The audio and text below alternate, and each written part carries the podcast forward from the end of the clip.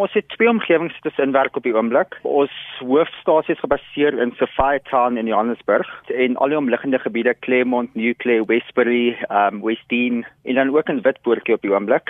Nou ons werk meestal met mense wat basies geen inkomste het nie, val nou na die COVID, um, wat hulle sukkel om kop bo water te hou. So dit is die armstes van die arme mense met wie ons werk op die oomblik.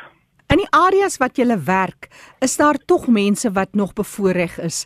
Is daar so 'n onderskeid of is dit maar almal basies onder dieselfde kam wat jy hulle moet skeer? Kyk, jy kry maar jou mense wat dit wel kan bekostig en dan kry jy mense wat dit glad nie kan bekostig wat heel onder is. Ons kyk na elke individu wat ons help en hoe ons hulle kan help. Ons werk met alles van babatjies tot groot mense ander organisasies wat ons uithelp soos Angels on the Move, uh, wat ons kos in ons verskaf. Hulle gee dit vir ons en ons deel dit gelyk op tussen die ongeveer 100 mense wat ons per week help en dan kry ons klere in van solidariteit winkels in die area. Um hier is twee of drie winkels wat ons met graagte altyd help. Jy het plekke uitgesonder soos Sophia Town, Westdene, Witpoortjie en so meer. Is baie van die mense ook dakloos? Kyk, ten minste so om en by halfte van die mense met wie ons werk bly op die straat op die oomblik. So hulle het geen inkomste nie. Die kos wat hulle by ons kry en die klere wat hulle by ons kry, is baie keer die enigste tyd wat hulle in 2, 3 dae sal eet. En ons praat hier so van skoolkinders. Hoe versorg julle die kleinkinders? Is dit die mammas wat kom by julle aanklop of kom staan mense maar in die lyn? Wat gebeur? Kyk, ons het ons gereelde mense wat uh, weekliks by ons aansluit dis gewoonlik die mammas, maar hulle kom gewoonlik met die kinders um, na ons toe. Daarso is 'n skool in Witpoortjie. Daarso sal die studente direk na ons toe kom. Dit is 'n laerskool en dan sal hulle gewoonlik pakkies huis toe vat na hulle families toe. So daar's nie meer onderskeid tussen volwassenes en kinders wat ons toe kom vir hulp nie. Die kinders wat self besef hulle is in nood, kom ook na ons toe. En as hulle so 12 jaar, 10 jaar oud, en dan kom hulle vir hulle kospakkies en hulle warm maaltye. Rian, jy en daar's nog ten minste twee ander mense wat saam met jou werk, twee jong mense. Hoe distansieer julle julleself daarvan en hoe kry julle julle weer aan die gang en nuwe energie het vir 'n volgende dag? Kyk, ek is ongelukkig die oudste van ons drie. Die jongste van ons maatskappy is 21. So hulle het tog genoeg woema om aan te gaan, maar dit is 'n kwessie van as jy uitgaan en jy sien nie dankbaarheid wat die mense het en hoe hulle sukkel.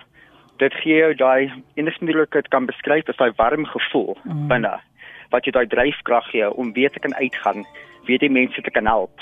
Rian, julle is 'n toegewyde spannetjie en die afgelope naweek soos baie naweke het julle ook gewerk. Vertel ons wat julle doen by so 'n naweek bymekaar kom. Okay, so wat ons basies doen is uh, veral op die naweke natuurlik, um, doen ons die vloeimarkte. Ons het verskillende vloeimarkte waartoe ons gaan om goedere te verkoop wat aan ons geskenk word en ook wat ons wel aankoop teen baie lae pryse van die solidariteit winkels af. Nou die uh, inkomste van die vloei markte kan ons goedere aankoop vir die mense wat dit nodig het. Ook 'n gedeelte daarvan gaan in die besigheid in om mense te kan oplei wat ehm um, nie hmm. skills het nie wat ons kan oplei. Nou by vloei markte ook doen ons die uh, voedingsskema wat ons vir die mense kospakkies uitgee wat deur Angels on the Move ehm um, aan ons geskaf word en ook die klere en al die ander donasies wat ons aan die gemeenskap uitgee. Om 'n voorbeeld te gebruik, ons het gereelde mense wat by ons toe kom en die laerskool wat ons daarmee werk. Nou jy kry die kinders wat daar sou kom in die middel van winter. Hulle wag al van 7:00 in die oggend in lyn vir ons. En dan kle niks meer aan as 'n T-shirt en 'n kort broekie nie, geen skoene, geen warm baadjies en dan probeer ons aan almal voorsien. Dit is altyd moontlik nie, maar tot ons beste wat ons kan. Probeer ons nou aan hulle te voorsien. Wat ons ook doen is die recycling en die upcycle. Mm. So daardie word werk geskep. Ons bos, uh, kry basies rommel in yster, papier, karton, plastics al daai. Ons gee in by plekke die wat ons nie kan gebruik om gelde in te kry en die goeder wat ons wel kan gebruik. Maak ons reg, verkoop weer of ons maak goed soos juwele en ander skills tipe goeder wat ons aan die mense kan leer. Hierdie vaardigheidsopleiding wat jy nou van praat, die skills wat jy mense leer, soos wat is dit? Oké, okay, dit is onder andere soos naaldwerk, juwele maak. Ons het 'n dame wat die mense leer om juwele te maak en dan ook ietsie wat ek baie opgewonde is wat ons nou hierdie naweek ehm um, gedoen het. Ons het begin om sign language mm. aan die mense te leer. Nou daarso is ongelooflik baie goeie ehm um, terugvoering wat ons daarvoor gekry het. Ons het 'n onderwyser wat die sign language vir mense leer en ek myself het dit nou vir so ongeveer 2 jaar doen ehm um, leer die kinders met gestremthede en wat sukkel om te leer en te praat. Ehm um, hulle noem dit Makaton sign language wat ek aan die kinders begin leer het en ons het ongelooflik baie uh, goeie terugvoering daarvoor gekry. Praat so van mense wat dan nou gehoorgestremdhede mee lewe. Is daar ander mense, ouer mense? Hoe ervaar julle die integrasie van mense met gestremdhede in so 'n groepie? Oor die algemeen is dit die jonger gemeenskappe wat sal kom. Dit is baie moeilik vir die ouer gemeenskappe om heel eerstens by partyplekke uit te kom mm. waar ons die klas te gee. Maar soos die jongste wat ons hierdie naweek gehad het vir die sign language, um, 'n dogtertjie van 7 jaar oud, regdeur tot ek dink die oudste was ongeveer in die 40s. 'n redelike groot verskeidenheid ja. van mense wat daar kom. Rian, dis onbaatsigtige werk wat jy doen. Jouself is so gesond nie en tog doen jy dit vir mense.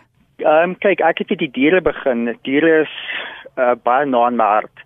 Alhoewel ek steeds die diere uithelp, doen ons dit tot 'n kleiner mate op die oomblik. Mm. Ons het die weggooi diere wat ons versorg het. Ons doen nog steeds projekte wat ons soos as diere met velprobleme, ons het baathuis wat ons in groot massas die honde sal bad met um, Regal wat 'n groot sponsor van ons is en ontwikkeling vir die diere ja. Ons is grootendeels met die mense besig.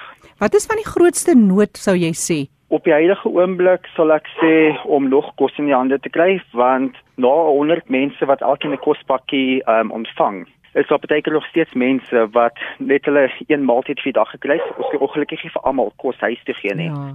Tweedens, goeder wat ons by vloei markte bevoel kan verkoop. Mm. Die mense wat huise skoon maak. Nou die goed wat breekbaar is, kan mense verkoop. Die goeder wat werk kort kan ons nog steeds gebruik om mense opleiding te gee om houtwerk te doen, om naaldwerk te doen en daai tipe van dinge. Ek wil net gou geweet wat is in so 'n kospakkie? In 'n standaard kospakkie is daar so gewoonlik um, brode, rolletjies, op die gelukkige tye het ons soet goedjies soos donuts en koeke ook vir die mense en dan so 'n paar groen goedjies soos blaarslaai, ehm um, tomaties en dan natuurlik vrugte, appels en lemoene wat die mees algemeenste is. Rian, wat 'n wonderlike werk deur julle drie jong mense. Dis nie uniek nie, dit gebeur oral in die land dat ons hierdie tipe inisiatiewe het waar mense tog 'n verskil wil maak, maar julle het besluit om dit te doen. Voorspoed daarmee. Hoe kan mense met jou kontak maak wat jou dalk sou wou help? Hulle kan met WhatsApp um, in kontak kom met ons of direk skakel op 063 917 1555. Dis my persoonlike nommer ja. Dis Rian Greef wat met twee ander jong mense gemeenskappe probeer bystaan in hierdie moeilike tye met kospakkies, bietjie werk wat hulle skep met rommel en so meer. Rian se telefoonnommer 063 917 1555.